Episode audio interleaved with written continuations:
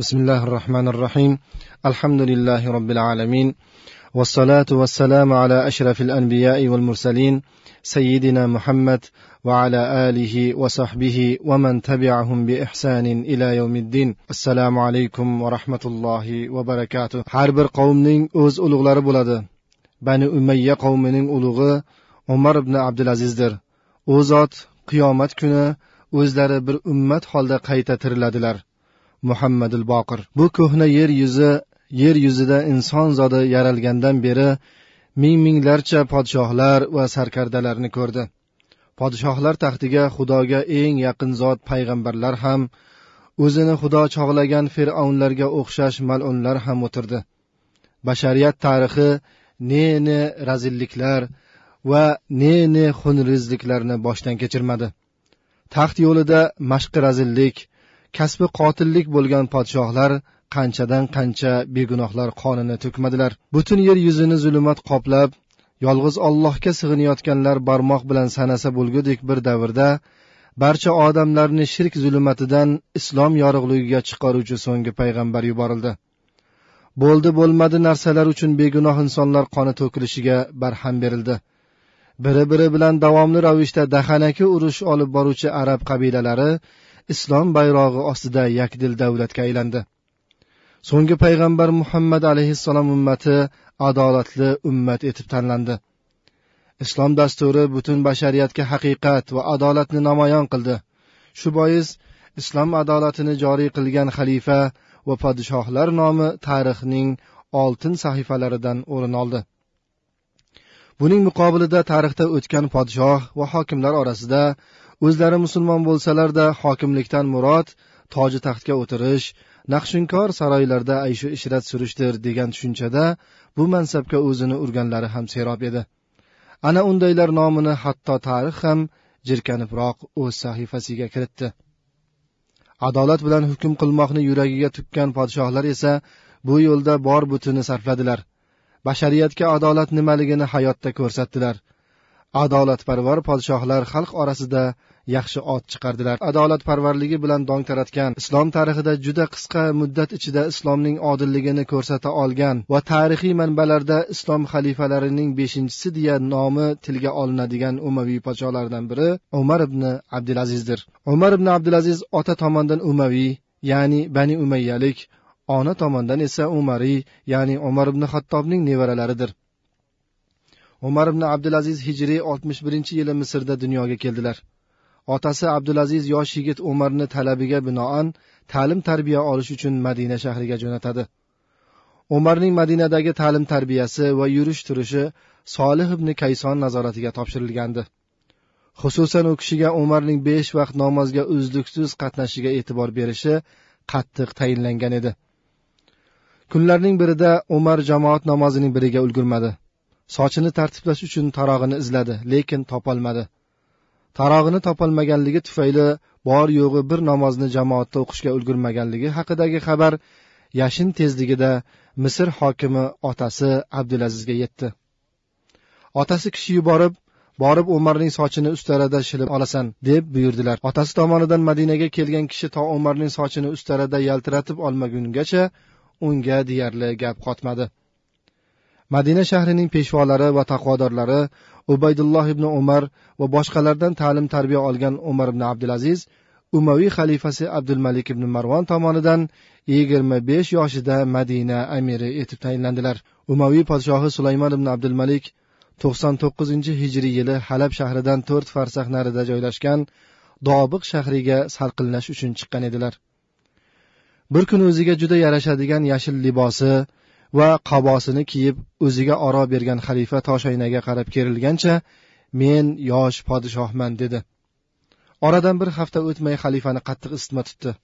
To'qson to'qqizinchi hijriy yilning safar oyida kasalga chalingan sulaymon ibn abdulmalik kun sayin bu kasal yostig'ini quritishiga aniq ishonch hosil qila boshladi. Bir kun maslahatchisi rajo ibn hayvaga mendan keyin taxtga o'g'lim dovud o'tirsin deb vasiyat qilmoqchiman. Siz nima fikr bildirasiz deb qoldi. Rajo ey amiral mo'minin qiyomat kuni podshohlar o'zlaridan keyin kimni taxtga vasiyat qilgani haqida so'raladilar. O'g'lingiz hali balog'atga yetmagan go'dak shu bois umar ibn abdulazizga vasiyat qilganingiz ma'qulmikin? dedi. Bu haqda o'ylab ko'rishim kerak dedi sulaymon oradan ikki kun o'tdi. Sulaymon bu ikki kun mobaynida o'zidan keyin kim xalifa bo'lishi haqida bir qarorga kelgandi. Nihoyat u umar ibn abdulazizdan keyin xalifalikka abdulmalik avlodidan birini vasiyat qilmasam katta fitna qo'zg'alishi turgan gap. Shu bois mendan keyin umar ibn abdulaziz umardan keyin yazid ibn abdulmalik xalifa bo'ladi degan so'nggi qarorini qabul qildi.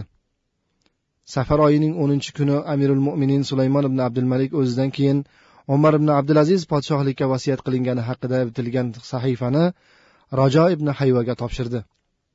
Uning amri bilan mirshab boshlig'i kab ibn homid al abasiy amirlar va vazirlarni xalifa bay'atiga chaqirdi.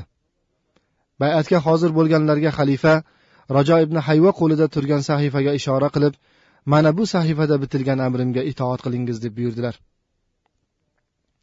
Podshoh o'limi yaqinlashsa mansab payida yurganlar g'ivirlab qolishadi. Kimdir bu mansab uchun jonini tiksa yana kimdir bu mas'uliyatdan o'z jonini olib qochadi. Podshoh bo'lib ilinjida yurgan yazid ibn abdulmalik hali hajdan qaytmagan edi. Qulay fursatdan foydalanish maqsadida hishom ibn abdulmalik rojoning yoniga kelib ey rojo oramizdagi do'sti birodarlik hurmati qo'lingdagi sahifada xalifa o'zidan keyin kimni podshoh etib tayinlanganini menga aytasan. Agar bu ish menga topshirilgan bo'lsa nur ala nur va illo xalifaga aytadiganlarim bor dedi. Rajo bu narsa o'ta maxfiy. Shu bois sizga sahifada bitilgan narsa haqida biron narsa deyolmayman meni ma'zur tutasiz dedi. Rajodan tayinli gap ololmagan hishom ikki qo'lini bir biriga urgancha rajo huzuridan chiqib ketarkan zarda qilib podshohlik ish qilib abdulmalik oilasidan boshqalarga o'tib ketmasinda dedi. Xalifaning vasiyati rajo qo'lida edi. Shu bois umar ibn abdulaziz rajo oldiga kelib taqsir meni ma'zur tutasiz. Oramizdagi do'sti birodarlik hurmati mabodo xalifa menga biron mas'uliyat yuklamadilarmi? Bu borada sizdan hali fursat borligida so'rashni ma'qul ko'rdim. Yana har xil xayolga bormang. Gardanimga mas'uliyat olishga toqatim ham podshoh bo'lishga rag'batim ham yo'q dedilar.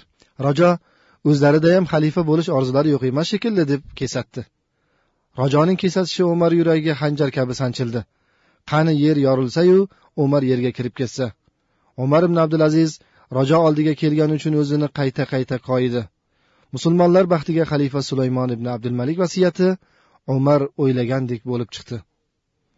Xalifa sulaymon jon talvasasida yotarkan rajo uning boshini ikki bor qiblaga qaratdi. Shunda xalifa halimas ey rajo dedilar. Birozdan so'ng la ilaha illalloh shahodat kalimasini aytib pichirlayotgan xalifa rajoga endi nima gapingiz bo'lsa aytib olingiz dedilar. Va jonini rahmon zotga topshirdilar. Yopinchiqqa yaxshilab o'radilar xalifa uzilgan payt malika xizmatkorini borib xalifa holidan xabar olib kel deb yuborgan edi. Xalifani ko'rishga yuborilgan xizmatkorga rajo malikaga borib ayt amirul mo'minin endigina uyquga ketdilar. Xalifaning oromini hech kim buzmasin dedi. So'ng xalifa oilasi va vazirlarni dobiq masjidiga yig'ib xalifaga bay'atni yangilangiz deb buyurdi. Barcha hozir bo'lgan ayonlar xalifa sulaymonga bo'lgan bay'atlarini yangilagandan keyin rajo xalifa sulaymon tomonidan bitilgan ahdnomani qo'liga olib darhaqiqat xalifa hayotdan ko'z yumdilar. O'zidan keyin xalifa etib esa umar ibn abdulazizni tayinladilar dedi. Buni eshitgan umar zimmasiga yuklatilgan mas'uliyatning naqadar og'irligini his etgan holda istirjo qaytarardi. Podshohlik mansabidan benasib qolgan hishom esa tishini qayrab istirjo qaytarardi. Ey umar minbarga chiqib o'tiring deb buyurdi rajo. Umar ibn abdulaziz istar istamas minbarga borib o'tirdi. Endi xalifa umar ibn abdulazizga bayat qilingizlar dedi rajo. Shunda hishom ibn abdulmalik o'rnidan turib xudo haqqi umarga bayat qilmasmiz dedi. Bayatdan bosh tortsangiz boshingizni olamiz dedi rajo. Noiloj hishom ham hamma qatori umar ibn abdulazizga bayat berdi. Shunday qilib to'qson to'qqizinchi hijriy yilining safar oyidan e'tiboran umar ibn abdulaziz xalifalik taxtiga o'tirdilar.